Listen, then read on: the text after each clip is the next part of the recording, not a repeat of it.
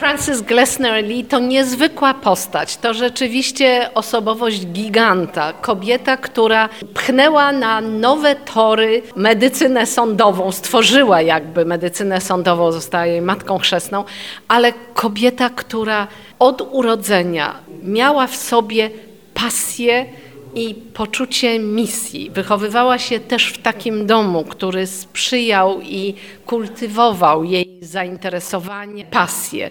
Frances Glessner Lee jest postacią, która w Ameryce uważana jest za, za matkę medycyny sądowej, ale jest e, kobietą, która przełamywała niesamowicie dużo barier. Przez cały ten czas, kiedy e, rozpoczęła jakby swój rozdział życia zawodowego, co stało się dość późno, miała już e, pięćdziesiątkę wtedy, musiała mierzyć się z wieloma ograniczeniami i z taką niechęcią także na Harvardzie, Uniwersytecie Harvarda, gdzie właśnie tworzyła ten zakład medycyny sądowej, z pewną ostrożnością, niechęcią mężczyzn, ponieważ kobiety na Harvard, na medycynę, e, Wydział Medycyny do, dostały prawo studiowania w 1945 roku, a ona zaczynała swoją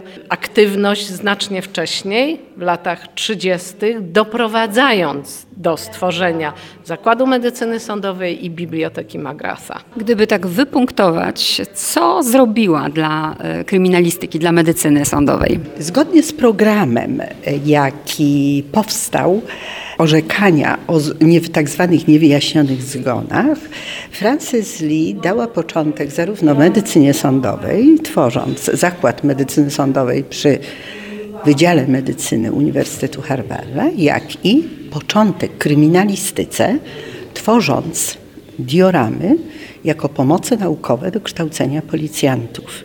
Zabezpieczyła właśnie ten aspekt medyczny i niemedyczny orzekania o zgonach. Zresztą zatytułowała swoje dioramy jako przekrojowe studia niewyjaśnionych zgonów. Do dioram wybrała przypadki, które nie były oczywiste od samego początku, tylko wzbudzały pewne kontrowersje, musiały być dyskutowane.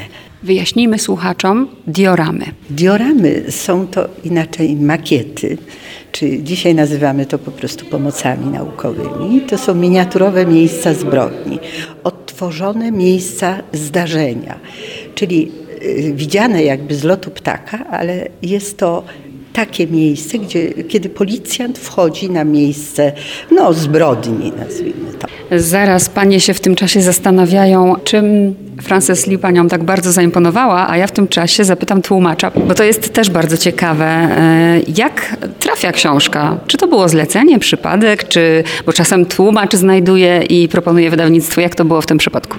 To prawda. Y, zdarzało mi się y, proponować wydawnictwu i otrzymywać zlecenie mm, wykonania przekładu książki, którą, mm, którą, którą chciałem tłumaczyć, ale to, to tak raczej jest sporadycznie w tym zawodzie.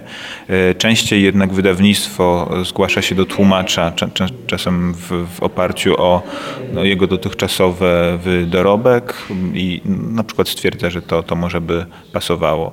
W, w, w tym przypadku akurat, y, akurat było było, mm, to, to jest moja pierwsza współpraca z wydawnictwem Uniwersytetu Jagiellońskiego, no i tutaj po prostu trafiło to do mnie zlecenie. Nie wiem e, w zasadzie z jakiego klucza. Czy pan wcześniej wiedział cokolwiek o bohaterce, czy, czy dopiero właśnie dzięki tej książce? Nie, poznałem ją, e, poznałem ją właśnie dzięki tej książce.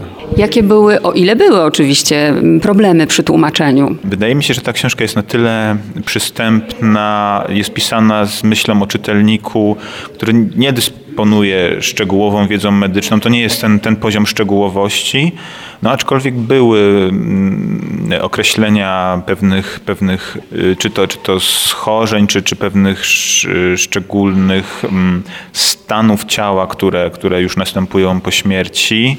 Tu y, konsultowałem się z osobami, z, które są, z, y, no właśnie, mam znajomą lekarkę, natomiast nie, nie praktykuje ona medycyny sądowej, więc jeżeli są tam właśnie y, pewne błędy, no to chyba z mojej winy, że nie skonsultowałem się z panią profesor. To zapytam, bo pani profesor jest obok, czy są błędy? Y, nie zauważyłam, natomiast rzeczywiście gratuluję panu, bo tłumaczenie jest znakomite i y, faktycznie nie wiele, nawet słownictwo fachowe zostało oddane w sposób właściwy. Czy polecałaby pani tę książkę właśnie tak też myślę dla kogo? Dla nas oczywiście, dla ludzi, którzy chcą przeczytać o ciekawej osobie, ale na przykład studentom. Poleciłabym i studentom, i każdemu, kto chce poszerzyć swój horyzont myślowy. Książka jest, jakkolwiek nie jest właśnie kryminałem, czyta się jak kryminał, ale to jest tak naprawdę książka o wspaniałej kobiecie, o której mówimy, o jej determinacji, o walorach umysłowych tej pani. To jest także no, trzeba powiedzieć, że w sposób szczególny podkreślić jej e, zasługi, albowiem wkroczyła na grunt zarezerwowany w jej czasach wyłącznie dla mężczyzn. E, no, książkę chciałabym polecić każdemu, kto kto interesuje się w ogóle medycyną sądową, czy w ogóle medycyną. Czym pani zaimponowała, jakby miała pani wybrać tak jedną rzecz, Frances? No to jest trudne pytanie, bo rzeczywiście ona mi imponowała e, no, zachwytem nad e, biologią, nad ciałem ludzkim, E, no, wiele, wieloma rzeczami. Umiała wie, wiele rzeczy załatwić. Sama zresztą, jako kierownik Katedry Medycyny Sądowej przez 16 lat, musiałam załatwiać mnóstwo rzeczy i wiem, jakiego typu są to problemy. No niestety nie miałam takiego argumentu jak Frances Lee w postaci pieniędzy, które, który, którymi ona właśnie udawało się jej niwelować tę niechęć do y, tworzenia różnych fantastycznych rzeczy. Ale y, rzeczywiście to myślenie społeczne, które ona miała, jest imponujące. Jak się ma dzisiaj, 2023 rok, medycyna sądowa w Polsce? Medycyna sądowa znajduje się na wysokim poziomie. Merytorycznie dorównujemy medycynie światowej. No co do wyposażenia, to tutaj możemy dyskutować, jakkolwiek nie możemy narzekać. Ale Stany Zjednoczone mają kilka wspaniałych ośrodków, wielokrotnie wyższych. No to też tłumaczę, jest większy, większy kraj, e, no, mają więcej możliwości niż my. Y, w Polsce zajmuje się medycyną sądową jak około 400 osób, jest 10 ośrodków medycyny sądowej i pracujemy nad opiniami sądowo-lekarskimi, które są podstawą orzeczeń y, wymiaru sprawiedliwości. We wszystkich przypadkach właśnie dotyczących zabójstw, samobójstw czy wypadków. My dzięki wydawnictwu bowiem dowiadujemy się o Frances, a jak w Stanach? Czy mamy taką wiedzę, czy jest tam popularna? Francis powoli zyskuje y, coraz większą rozpoznawalność. E, była niewątpliwie ceniona wtedy już za życia, kiedy tworzyła dioramy, kiedy organizowała te słynne seminaria dla policjantów na Harvardzie kiedy została pierwszym kapitanem, pierwszą kobietą kapitanem policji, a także należała do Stowarzyszenia Szefów Policji, Międzynarodowego Stowarzyszenia. Zatem była ceniona, może nieznana powszechnie, jednak media się interesowały, zwłaszcza, że te dioramy były jakimś nowum i e, wykorzystywane w czasie seminariów dla policjantów stanowiły atrakcję, o której pisał Life, o której pisały media w całej Ameryce, także na zachodnim wybrzeżu. Stąd zainteresowanie e, Francis i jej działalnością przez e, Metro Goldwyn Mayer, które pierwszy film, taki film noir w 1950 roku wyprodukowało właśnie w Bostonie na kampusie Harvarda, tytułując go Mystery Street, aczkolwiek wcześniejszy tytuł to był Morderstwo na Harvardzie. Zatem była znana, ale wydaje mi się, że niedoceniona do końca. Dla mnie jest postacią niezwykłą, jeszcze jedną kobietą, która naprawdę przebijała szklany sufit. Takie kobiety miałam okazję prezentować e, w ramach mojej pracy rzecznika i doradcy w konsulacie amerykańskim, kiedy jeździłam z astronautkami, pisarkami czy amerykańskimi poetkami. I zawsze e, z największą radością przedstawiałam je polskim publicznościom. I tak sobie myślę, gdyby Francis jeszcze dzisiaj żyła, co to była za, byłaby za satysfakcja, żeby przedstawiać tą kobietę giganta w swojej dziedzinie i w znacznie trudniejszym czasie niż dzisiaj. Kobietę, która żyła swoją pasją, poczuciem misji, wiarą w cel, który sobie wyznaczyła i tak naprawdę ten cel jakimś stopniu osiągnęła, aczkolwiek ten proces nie jest zakończony. W dalszym ciągu w Stanach e, około połowy Amerykanów podlega koronerom i to, jakie orzeczenie będzie w sprawie takich niewyjaśnionych zgonów, tak naprawdę zależy od miejsca, w którym żyją. Czasem to jest po jednej stronie ulicy są kompetentni medycy sądowi, a po drugiej orzekanie należy do tej średniowiecznej funkcji koronera.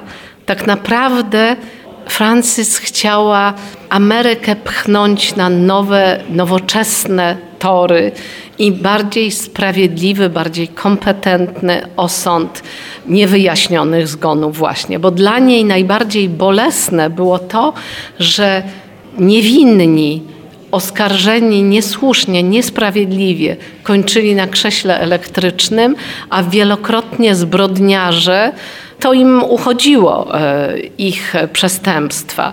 Zresztą do dzisiaj Chicago, z którego pochodzi Frances Glessner Lee. Na pewno to było też genezą i stało u źródeł jej zainteresowania i takiego, takiej determinacji, żeby zmienić tą sytuację, żeby poprawić ten stan. W dalszym ciągu jest zawsze na liście miast z największą przestępczością. A wtedy, kiedy Francis dojrzewała, kiedy właśnie zbierała informacje, inspiracje z otoczenia, wokół. Chicago znajdowało się w momencie złotej ery, gdzie przemysł, koleje żelazne, górnictwo i przede wszystkim jako ośrodek przeładunkowy mięsa i zboża z równin amerykańskich stawało się tym magnesem przyciągających kolejne fale emigrantów. I w związku z tym bezprecedensowym wzrostem demograficznym. Chicago z miejsca, które miało kilkaset osób, mieszkańców w 830 roku doszło w latach 1900-1910 do 2 milionów, ale tam też niestety działały mafie, gangi uliczne, seryjni mordercy, o których słyszała Francis.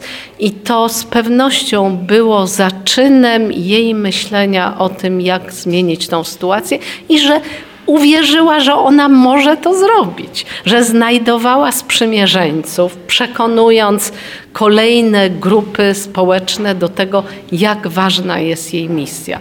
To budzi mój absolutny zachwyt, właśnie jej wieloaspektowe, całościowe potraktowanie tej misji, sobie, którą sobie wyznaczyła, żeby naukowe metody prowadziły do wykorzystywane w śledztwach prowadziły do sprawiedliwego osądu ewentualnych sprawców. Piękne podsumowanie, bardzo dziękuję.